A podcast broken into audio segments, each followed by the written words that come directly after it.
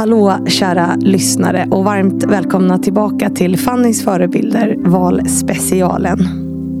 För mig var det väldigt viktigt att någon lyssnade på avsnitten och liksom analyserade vad det är partiledarna säger i de avsnitten som vi har spelat in. För att man liksom ska förstå skillnaden på partiernas ståndpunkter i de här frågorna. Därför valde jag att spela in ett avsnitt med Jenny Madestam som ju faktiskt är väldigt duktig på politik och statsvetare i grunden. Och jag hoppas att det här avsnittet kan ge er lite perspektiv och lite mer kött på benen nu när det är dags att gå och rösta om ungefär en månad. Så kära lyssnare, precis som vanligt, rätta till lurarna och dra upp volymen. För här kommer ett avsnitt med Jenny Madestam.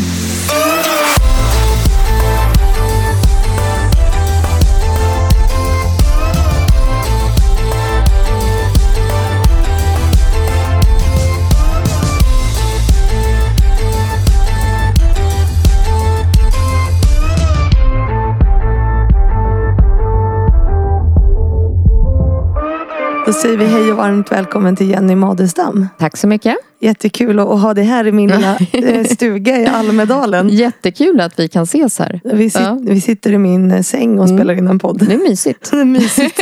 Lite annorlunda. Vi får se om vi har ont i ryggen sen när vi går härifrån. Precis. Eh, Men du är ju här som, som politisk expert idag. Hur Härligt. känns det? Ja, det känns bra. Inte minst eftersom det ska bli så roligt att prata om de här intervjuerna. Ja, det ska bli jätteintressant. Mm. Eh, Du har ju lyssnat och lyssnat och lyssnat eh, på de här. Och du har med dig Mm. ett jättetjockt anteckningsblock. Och jag är beredd att bli synad i sömmarna.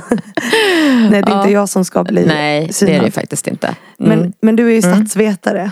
Vill du bara berätta Ja. lite vad du gör annars? Ja men precis. Nej, men jag är statsvetare och eh, verksam på Försvarshögskolan som eh, forskare och eh, lärare. Och jobbar också med eh, ledarskapsforskning bland annat och har forskat mycket om politiskt ledarskap.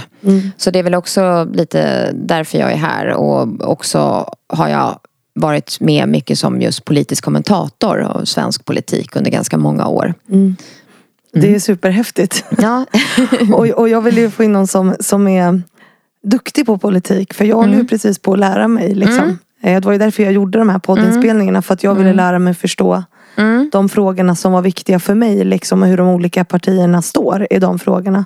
Mm. Hur kan de liksom lösa de problemen som jag försöker att lösa med den här podden på Mm. något sätt. Men tycker du att du har lärt dig någonting då av de här intervjuerna? Eh, Supermycket. Ja. Eh, Det har varit jätteintressant. Mm. Eh, Och liksom, man förstår lite skillnaden på de olika partierna. Jag tycker att man eh, får en inblick i partiledarnas eller partiernas värderingar framför allt.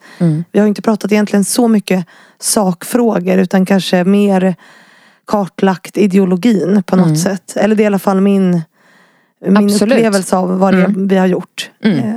Så Nej, men det, det instämmer jag i som har lyssnat på de här intervjuerna upprepade gånger faktiskt. Och jag tycker också att de var väldigt informativa även för mig. Och jag tror att lyssnarna verkligen kommer lära sig någonting. För att det blir ju väldigt tydligt också att de här partierna står verkligen för olika saker. Och ibland så beskriver man ju att det inte är så stora skillnader mellan de svenska partierna och alla tycker i princip lika. Men här kommer det verkligen fram också att de baserar sig på olika ideologiska utgångspunkter. Så att även om de ibland kan ligga väldigt nära varandra i olika specifika sakfrågor så baserar de sig på och kommer de från olika utgångspunkter. Och det blir, det blir synligt här tycker jag.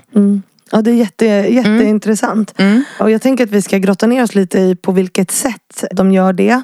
Eh, Och att vi ska liksom ja, men kartlägga lite skillnaderna i de här olika kategorierna som ju lyssnarna vid det här laget är bekanta med. Det är fyra olika kategorier. Makt, inflytande, det är utbildning, mäns våld mot kvinnor och sjukvård och hälsa.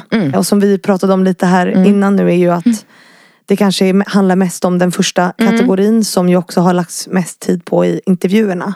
För det är ju på något sätt grunden i Ja ideologin. men absolut. Och det som är är också, precis som du säger, i den här första kategorin där kommer det verkligen fram de här ideologiska skiljelinjerna. Och det är ju så också att i svensk politik så pratar man ju ofta om den här vänster-högerskalan. Och mm. den handlar ju just om ekonomi. Eller det handlar egentligen om statens roll i ekonomin och hur mycket ska staten vara inne i våra liv. Och det blir väldigt synbart i den här första kategorin. I de andra kategorierna så kommer det igen, precis som du också är inne på. Men där är det mer att, att de tycker lite mer lika också i frågor om till exempel mäns våld mot kvinnor. Mm. Mm. Och det kan man ju tycka i och för sig är ganska bra. Absolut. På något sätt att de mm. i den kategorin eh, tycker ganska lika. Ja. Och att det är en viktig fråga på något mm. sätt. Mm. Men ska vi börja med makt, och inflytande ja. och ekonomi då? Ja men vi gör det. För jag vet att du har skrivit upp massa saker, massa, ja. massa saker här som, du, som du har tänkt på när jo, du har men precis. lyssnat. Nej men det som jag har funderat kring det är ju dels att det blir väldigt tydligt att det finns några partier då, som vi också redan vet, är mer liberala. Och så finns det de partierna då som är mera eh, socialistiska eller mer till vänster. Och det här, nu är det ju svårt, att, ni som lyssnar nu har ju kanske väldigt olika baskunskaper i politik och politisk ideologi och så vidare. Så att det blir väl kanske för en del lite basic här nu det jag säger. Men, men just det här, de mer liberala partierna och den ideologin innebär ju helt enkelt en väldigt tro på individens frihet och att individen själv ska kunna styra sitt liv och göra sina val och då blir det allra bäst och då uppnår man eh, att individen också blir fri mm. eh, som ju är målet. Medan de mera vänsterorienterade partierna och ideologierna där handlar det om att man ser tvärtom att med hjälp av staten och politiken så kan man göra människor fria. Och därför så krävs det då olika politiska reformer för att man ska då i det här fallet uppnå jämställdhet. Mm.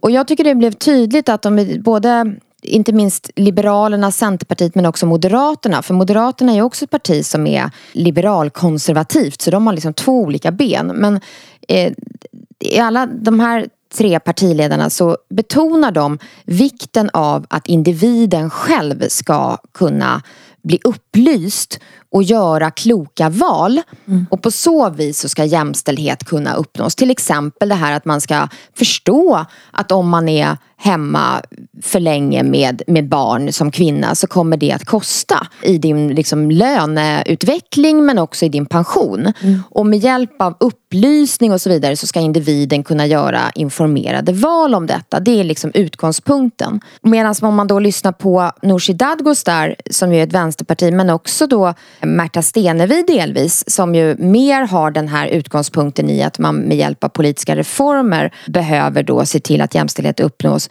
betonar att Nej, men vi behöver till exempel en, en delad föräldraförsäkring. Så att det räcker liksom inte med att, att man bara får en, en upplysning och att man därmed gör informerade val som individ. Utan att staten behöver liksom hjälpa till politiskt för att uppnå jämställdhet. Och det här tycker jag det blir väldigt tydligt i de här intervjuerna under den här första kategorin. Mm.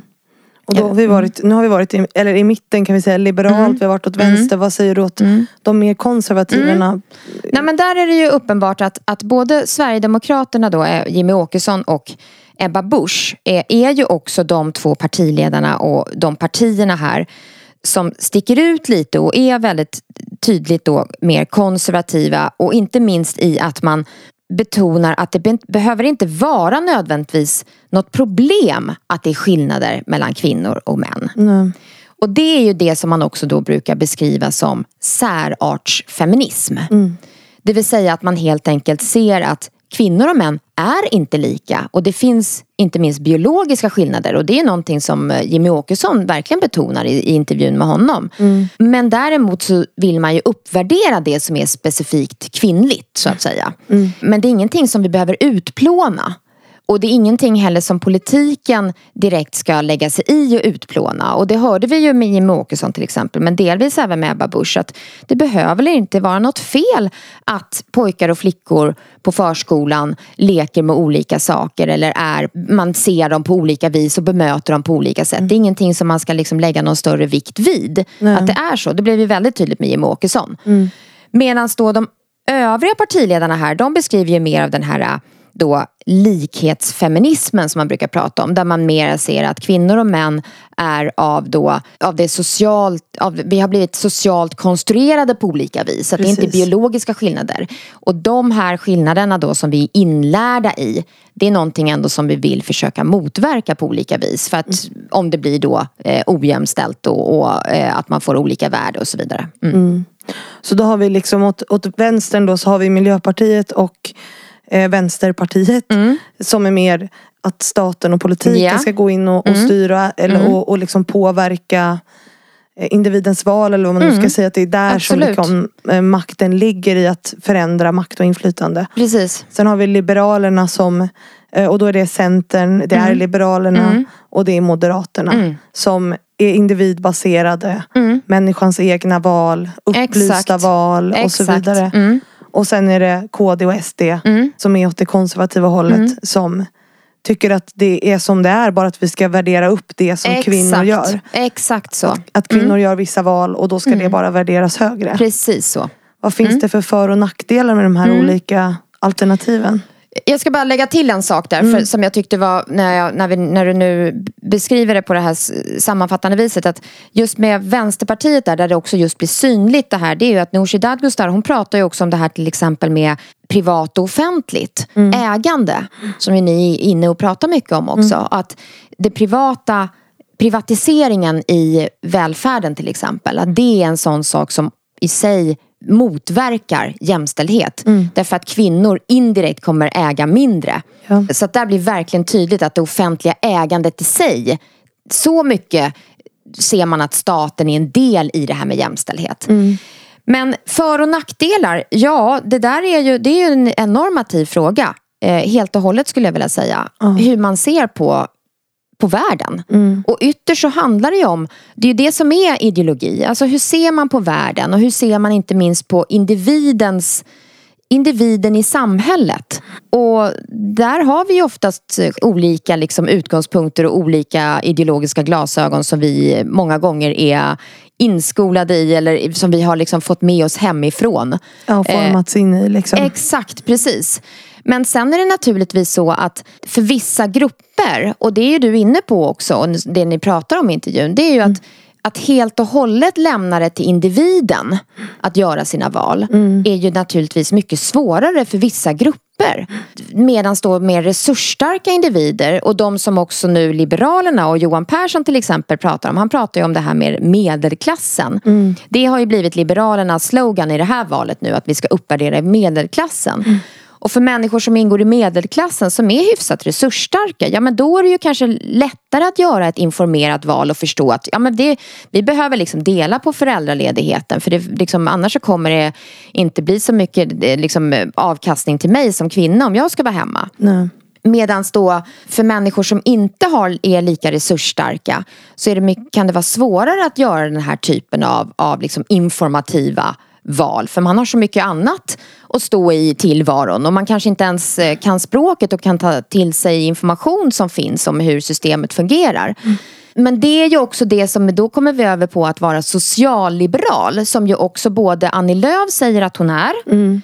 Och Liberalerna och Johan Persson är, har ju också det stråket i sig i allra högsta grad. Mm. Och det ser, hörde vi också att Johan Persson och Annie Lööf betonar ju också att man kan inte bara lägga allt på individen. Nej. Utan det måste ju finnas olika reformer också. Och till exempel att Johan Persson pratar ju om att man ska ha en mer jämnare utdelning eller att föräldraförsäkringen ska reformeras och på så vis att man skulle ha fem månader var om jag förstod saken rätt i mm. hans förslag. Så att där finns ju att man har ett, man ser ju att det kan inte bara vara till individen. Mm den konservativa eh, perspektivet, det lägger ju mycket fokus också på familjens roll. Och det lägger ju också då naturligtvis ett visst ansvar på Nej men då behöver man ju ha en familj och ett nätverk. Och det är inte alla människor som kanske har det. Som kan hjälpa en och där man kan, kan liksom som beskrevs i Ebba Busch och Kristdemokraternas förslag. Det här att man till exempel ska kunna dela dagar med, som hon sa, en mormor eller en, en syster i föräldraförsäkringen och så vidare. Det är kanske inte alla som har, har sån möjlighet. Men det förslaget, det jag vill komma till, är just verkligen ett uttryck för den konservativa idén. För inom konservatismen så är ju just familjen väldigt viktig. Mm. Och att familjen själv ska få avgöra hur man vill leva sitt liv. Och jag tycker den frågan är viktig att liksom grotta ner sig lite i och det var också viktigt för mig eh, och det är också därför jag har med den typen av frågor på några ställen. Just eh, de som är mindre eh, privilegierade. Mm. Alltså när vi tittar på typ kvinnor med utländsk bakgrund. Ja. Och att de har, att det är hög arbetslöshet. Att mm. de har drabbats hårdast av coronapandemin. Mm. Det var väldigt viktigt för mig att ta med det perspektivet mm. också. Mm. För att se hur politikerna vill lösa det. För mm. just kvinnor med utländsk bakgrund är ju så hårt drabbade mm. i vårt samhälle. Mm. Det är också där vi ser att, eller inom lågutbildade kvinnor, att, att liksom medellivslängden mm. eh, rasar och sådär. Vad är mm. dina tankar om, om, om det? Alltså vad, vad tänker du om partiernas inställning till det? Nej men det är ju uppenbart att all, det är ju ingen som tycker att det är bra eh, naturligtvis. Eh, men, men där eh, har man ju också lite olika idéer om det då. Och samtidigt så kan man ju, just, just i den här frågan så tyckte jag också att det blev lite oheliga allianser kan man säga. För att både Nooshi Dadgostar till exempel och Jimmy Åkesson pratar ju mycket om det här med att uppvärdera och eh, förbättra arbetsvillkoren för kvinnor. Mm.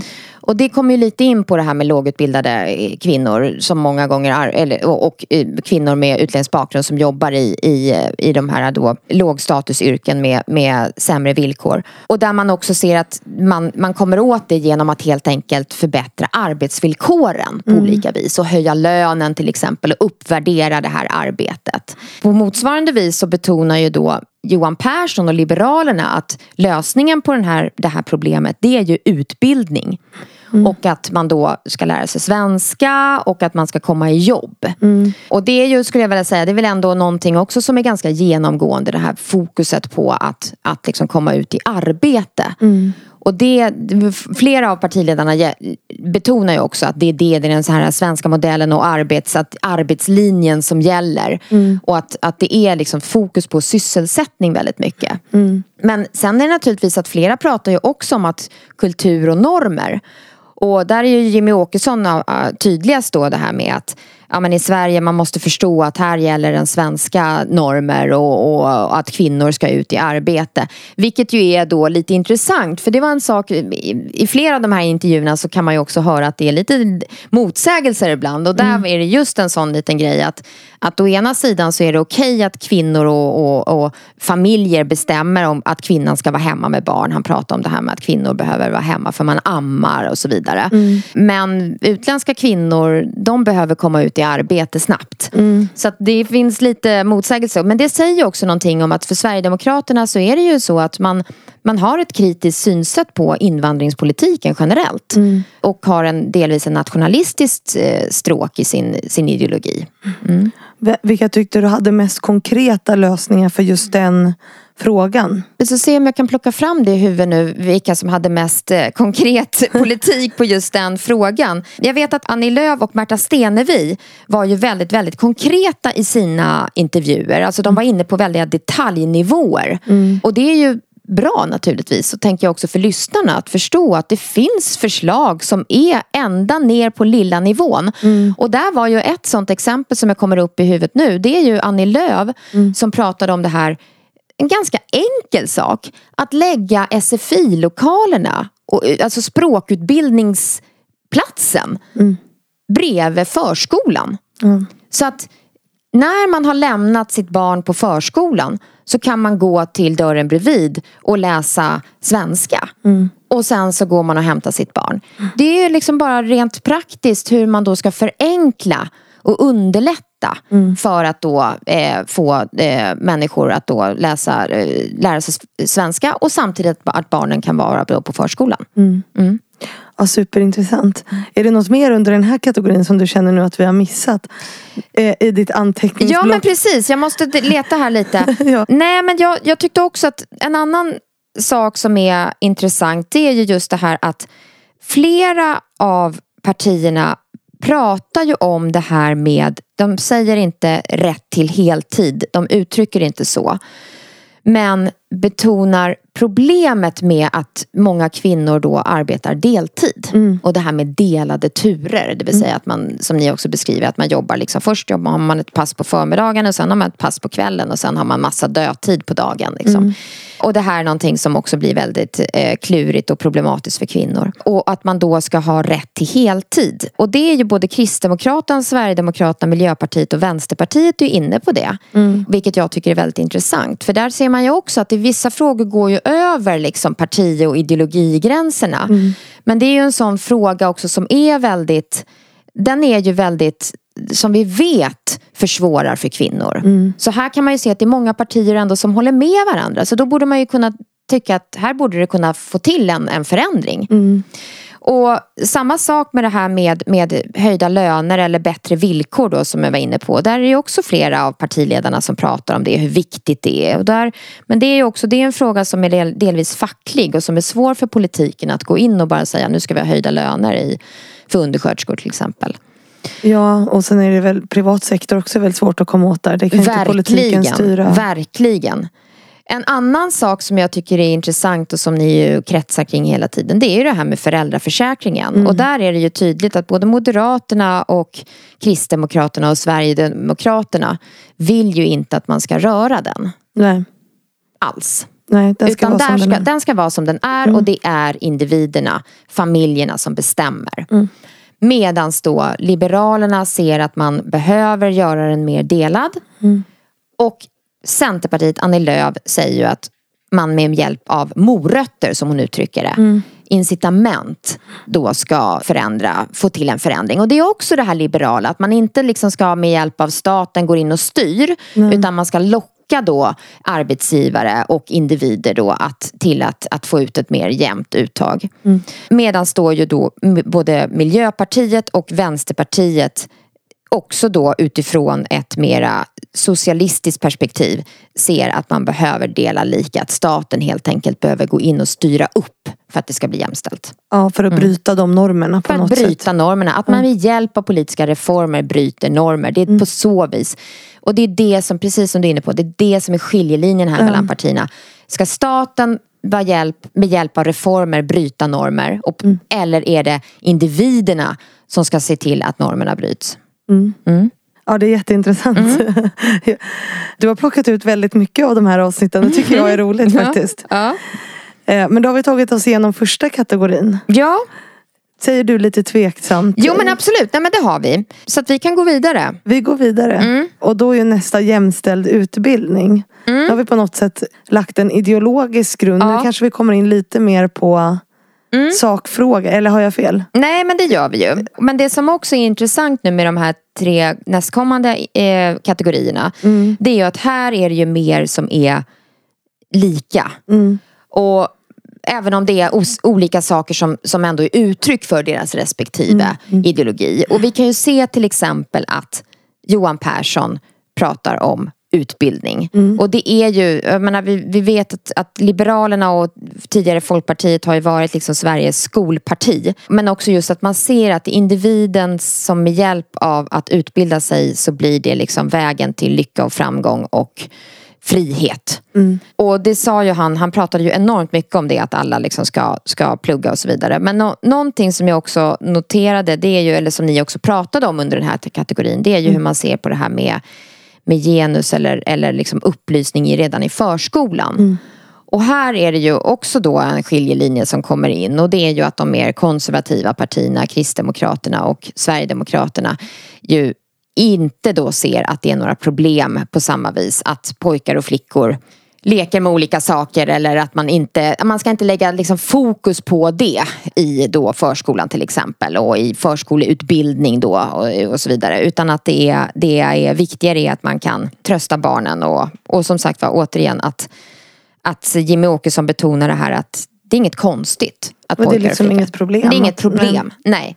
Medan de övriga skulle jag vilja säga, inklusive då uh, Ulf Kristersson betonar ju, och jag tyckte det var intressant just om vi liksom bara pratar lite om Ulf Kristersson. För att han är ju, i, i intervjun med honom så framgår ju den här gamla Ulf Kristersson höll jag på att säga. Det är ju så att Ulf Kristersson har ju en, varit, ägnat sig väldigt mycket om, åt socialpolitik tillbaka.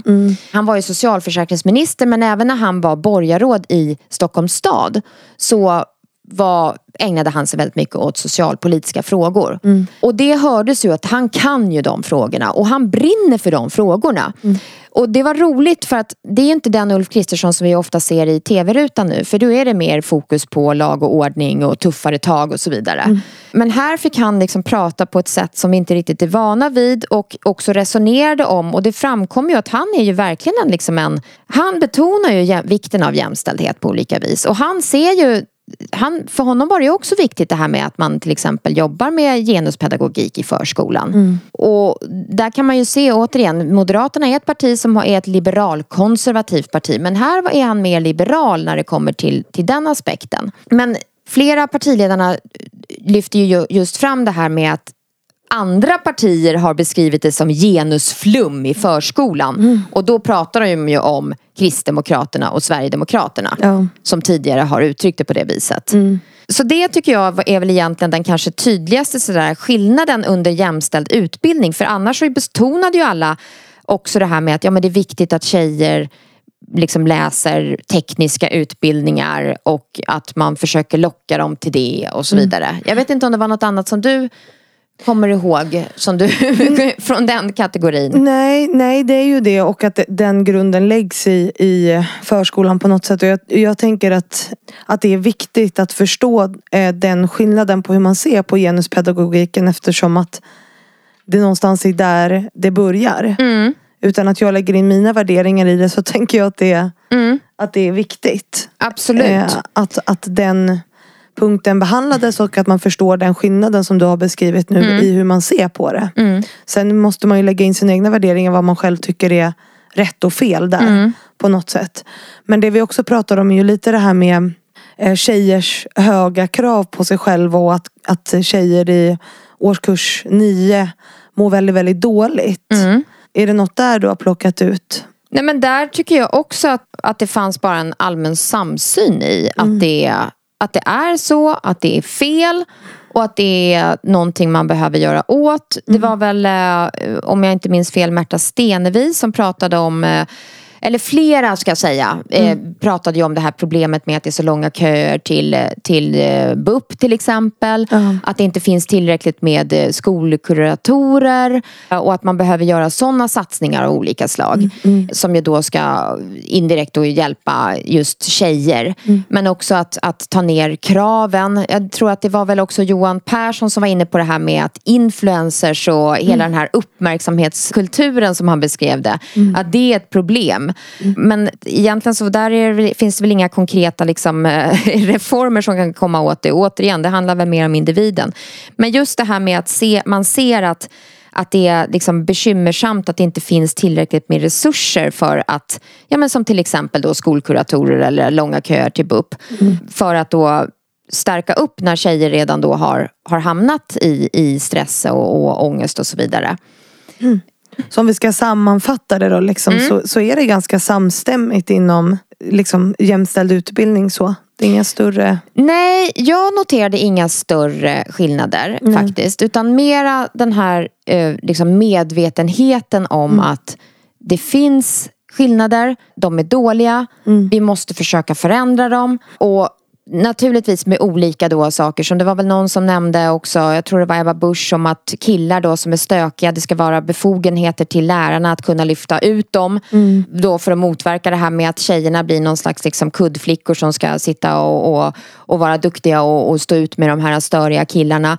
Så att det, och det här, är, det här är ju, jag ska säga det också för lyssnarna, att för de här nationella politikerna som du har pratat med nu så är det delvis lite svårt för att just frågor om som rör då hälsa och sjukvård och också skola många gånger. De ligger ju på den regionala och den kommunala nivån i våran demokrati. Och där, det betyder att man som nationell politiker har svårt att gå in och styra. Detaljstyra. Mm. Och det är därför som till exempel Kristdemokraterna vill då förstatliga sjukvården. Alltså man Mm. vill ge mandatet till den nationella politiken att återigen kunna liksom styra sjukvården. Mm. Att det inte ska vara regionerna som gör det. Och vissa partier då som till exempel Nooshi Dadgostar och eh, Vänsterpartiet, jag tror hon nämnde det också, och även då Sverigedemokraterna och även Liberalerna vill ju förstatliga skolan. Ja. Och, Och ta bort eh, privat eh, eller friskolor och sånt. Precis, ja, ja och ta bort friskolorna vill ju Liberalerna och Sverigedemokraterna, det ska få vara kvar.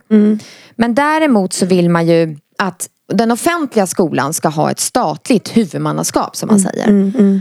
Och på den vägen då så tänker man att man ska kunna skapa en mer likvärdig skola. Och att man då från statligt håll, då kan man liksom bestämma att nu ska det vara liksom, det ska vara två skolkuratorer på varje skola i Sverige. Men idag är det någonting som kommunerna bestämmer om. Och kommunerna har ju olika mycket pengar i sina liksom budgetar och kunna lägga på en skolkurator. Så, att, så att det här är också lite olika idéer om hur man då eh, liksom kommer åt det här. Och, och där tyckte jag också, jag tyckte ändå, för det var det som blev grejen med de här kategorin då med, med jämställd utbildning. Att där blir, märkte jag att det blir lite svårare för de här politikerna att att komma med konkreta liksom, förslag. De kan ju ha idéer om att, ja, men som Ebba Busch, att slänga ut killarna ur klassrummet. Eller, eller liksom att man ska förebygga och man ska liksom prata om det som många nämnde också. Men det finns inte någon sån här för då är de inne lite och tassar i någonting som de inte riktigt heller har koll på eller har mandat för. Och vissa pratar ju mycket om, jag tror det var framförallt Ulf som pratade om eh, föräldraansvaret.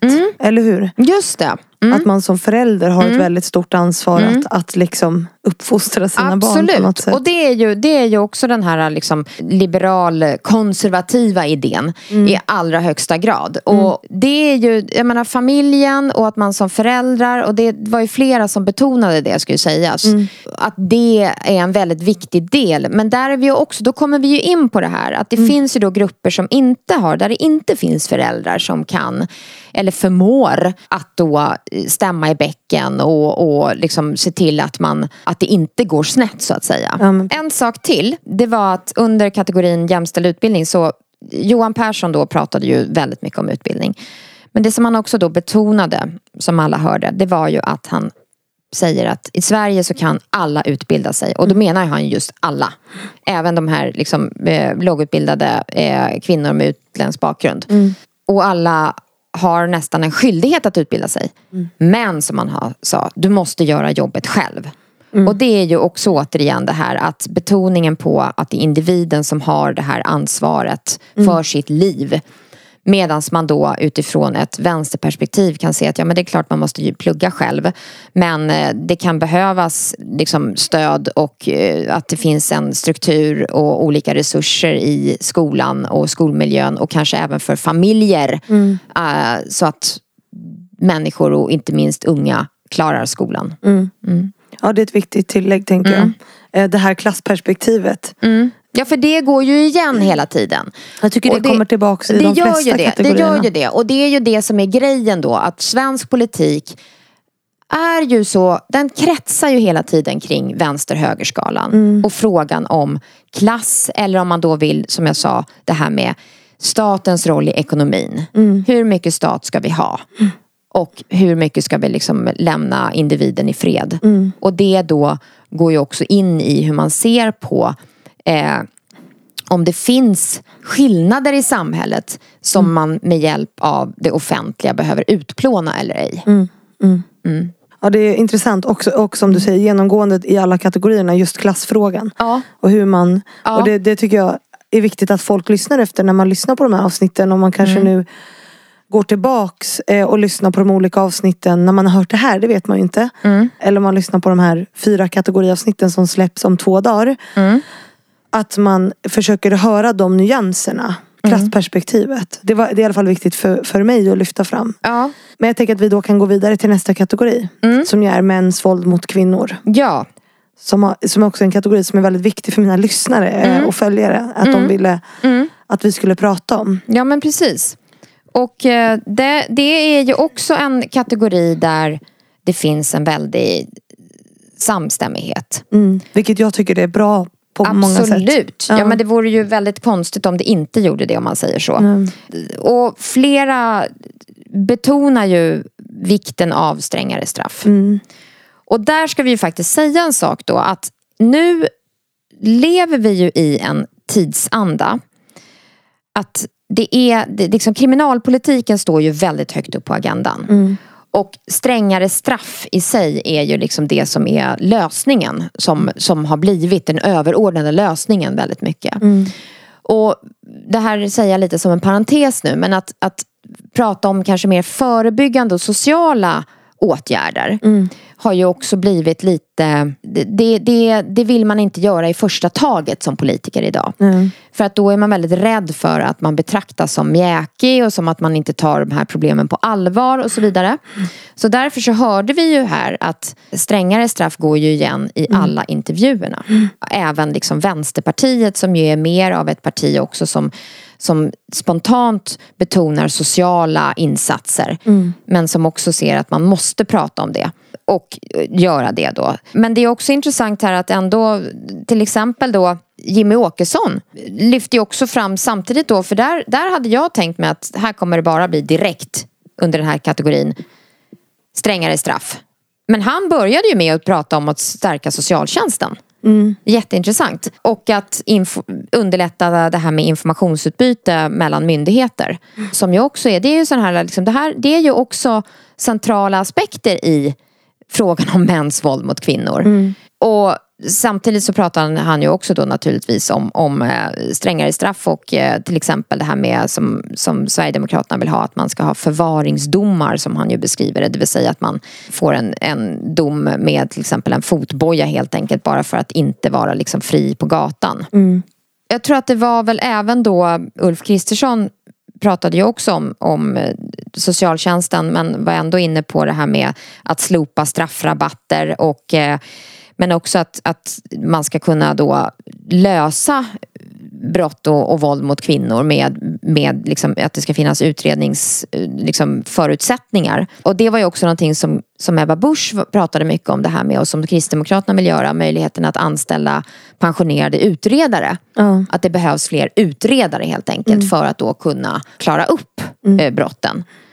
Hon pratade väl också om att utbilda så att folk kan eh, klara upp just de här, den här typen av brott, eller hur? Mm. Ja men exakt, Ja, precis. Just en den här typen av typ av- ja. avbrott. Ja. Och, eh, men också det som jag noterade var att Ulf Kristersson betonade också just det här att eh, politiken kan samtidigt inte göra allt. Nej. Utan att här krävs också att man redan då som föräldrar och att man pratar med barn och att man redan då, som han var inne på, att pappor pratar med sina söner och är goda förebilder och så vidare. Så det, där ser vi återigen det här att, att politik är inte enda lösningen. Nej, individ och föräldraansvar.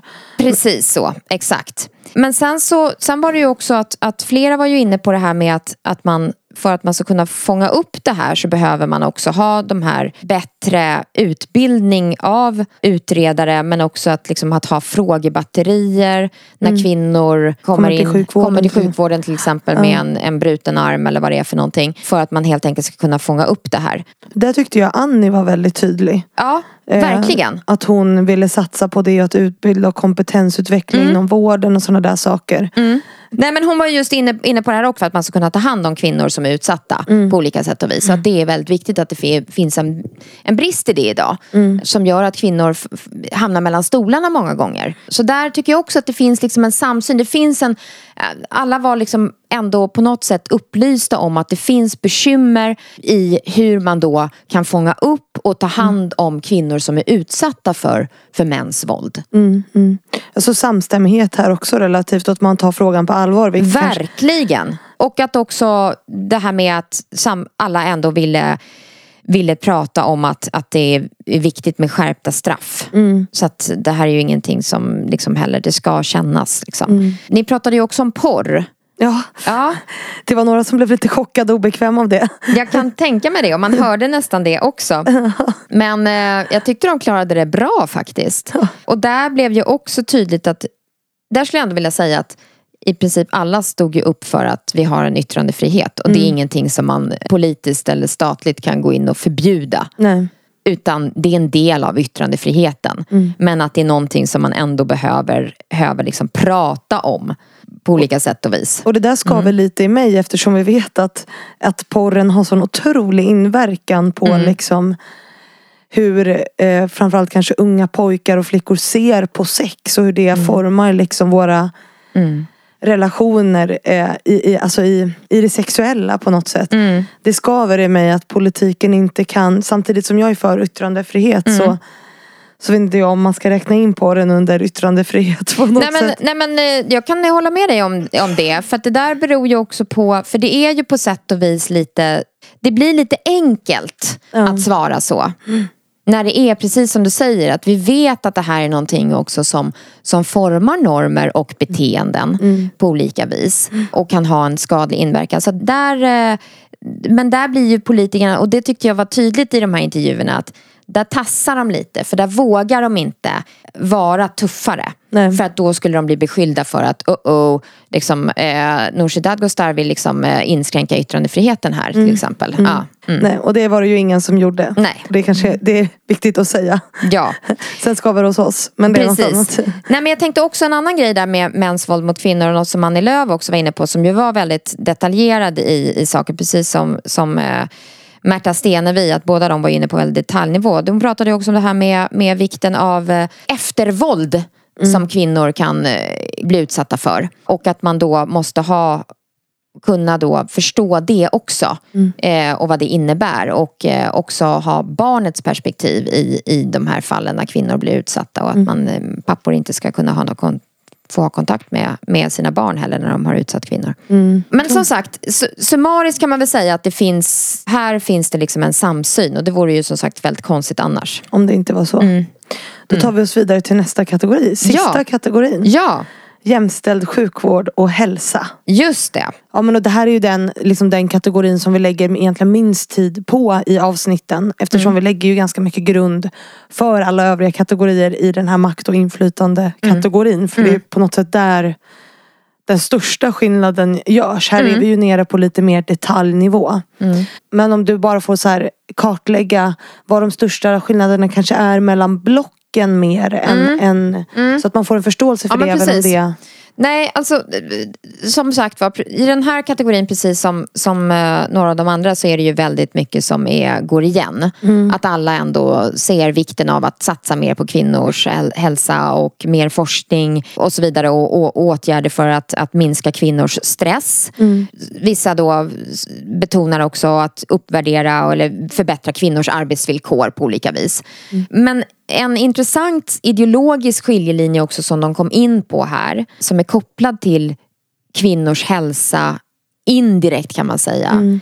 Det är att, och hur man uppnår jämställdhet.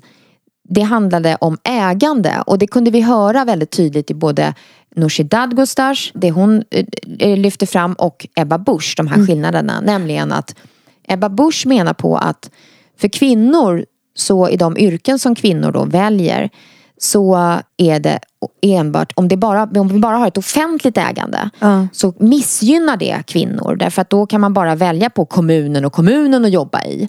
Och det är någonting som då, där är det sämre villkor många gånger.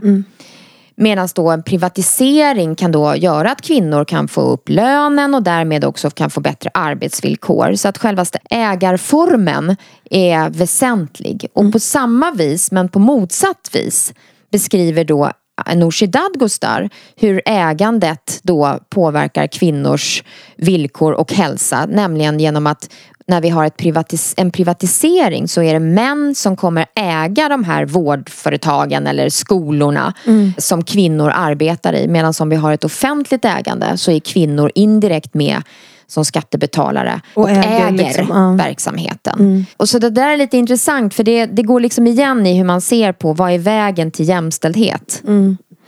Ja, jag, jag, jag tycker vi har fått supermånga bra svar Mm. av de här intervjuerna om man verkligen liksom eh, lyssnar. Om man verkligen lyssnar och jag tror att man som lyssnare också ska förstå det här att de här ideologiska skiljelinjerna som då grundläggs under den här första kategorin, de går liksom igen. Men sen är det också så att i politik så, i må- många frågor så tycker partierna ganska lika. Och speciellt när det handlar om sånt som gemene man och vi alla kan hålla med om att det är klart att vi vill ha bättre liksom, skola. Det är, bättre. det är klart att vi inte vill att män ska utsätta kvinnor för våld. Mm. Och att kvinnor och män ska ha en jämställd hälsa. Det är liksom självklara saker. Mm. Och därmed så blir det svårare att se de här liksom uppenbara konfliktlinjerna. Men samtidigt så är det så att, att mycket ändå på något vänster i de förslag de primärt betonar Mm. Går att härleda till var de står ideologiskt. Ja men också att det också kommer påverka vad det är man prioriterar och hur Ja. man liksom Absolut. För det är ju genomgående i, i den här podden eh, Mm. att just det här med värderingar eh, och att det påverkar de valen vi gör, de beslut vi fattar, Mm. eh, vad vi prioriterar, alltså vårt ledarskap överlag. Mm. Så det är någonstans, i alla fall, i alla fall för mig, där det grundar sig. Det är det verkligen. Och det hoppas jag har blivit tydligt i de här avsnitten, liksom Mm. vilka värderingar de olika partierna har på något sätt. Mm. Absolut. Och det, det tror jag att, att lyssnarna får med sig. Och just att de här, precis som du säger, de här grundläggande värderingarna. De är så väsentliga för också de här, som du är inne på, prioriteringarna. Och hur man då, även om man är överens i många sakfrågor så kan man ju sätta dem olika högt upp på, på agendan så att säga. Och också det här som man hela tiden, liksom det går tillbaka till. Hur ser man på individen i samhället och individen kontra det offentliga. Det är det liksom det mycket kokar ner till. Ja, superintressant. Eh, Ja, tycker jag med. jag tycker det här har varit jättekul och jag tycker att du har gett också mig mer förståelse. Ja, ja men detsamma. De här intervjuerna har verkligen varit upplysande. Ja, vad Ja. bra. Mm. Eh, För jag var lite rädd att det skulle bli katastrof, men det blev ju bra. nej. absolut inte. Det har, varit, det har Ja. varit jättekul att göra faktiskt. Ja. Ehm, så ska bli, nu vet vi inte än hur lyssnarna tar emot det. Men eh, De bra. kommer bli upplysta och kunna göra informerade val. Jag hoppas det, för det är det som är syftet. Ja. Liksom. Mm. Men då säger vi tack för att du har varit här och liksom hjälpt oss att reda ut det här. Eh, supernyttigt. Och Mm. eh, ja, tusen tack. Tack. Och tusen tack till alla er som lyssnar på avsnitten i Fannys förebilder valspecialen. Jag hoppas verkligen att det här ger er mer kött på benen inför valet. Och tills vi hörs igen, njut av sommaren och ta hand om dig själv.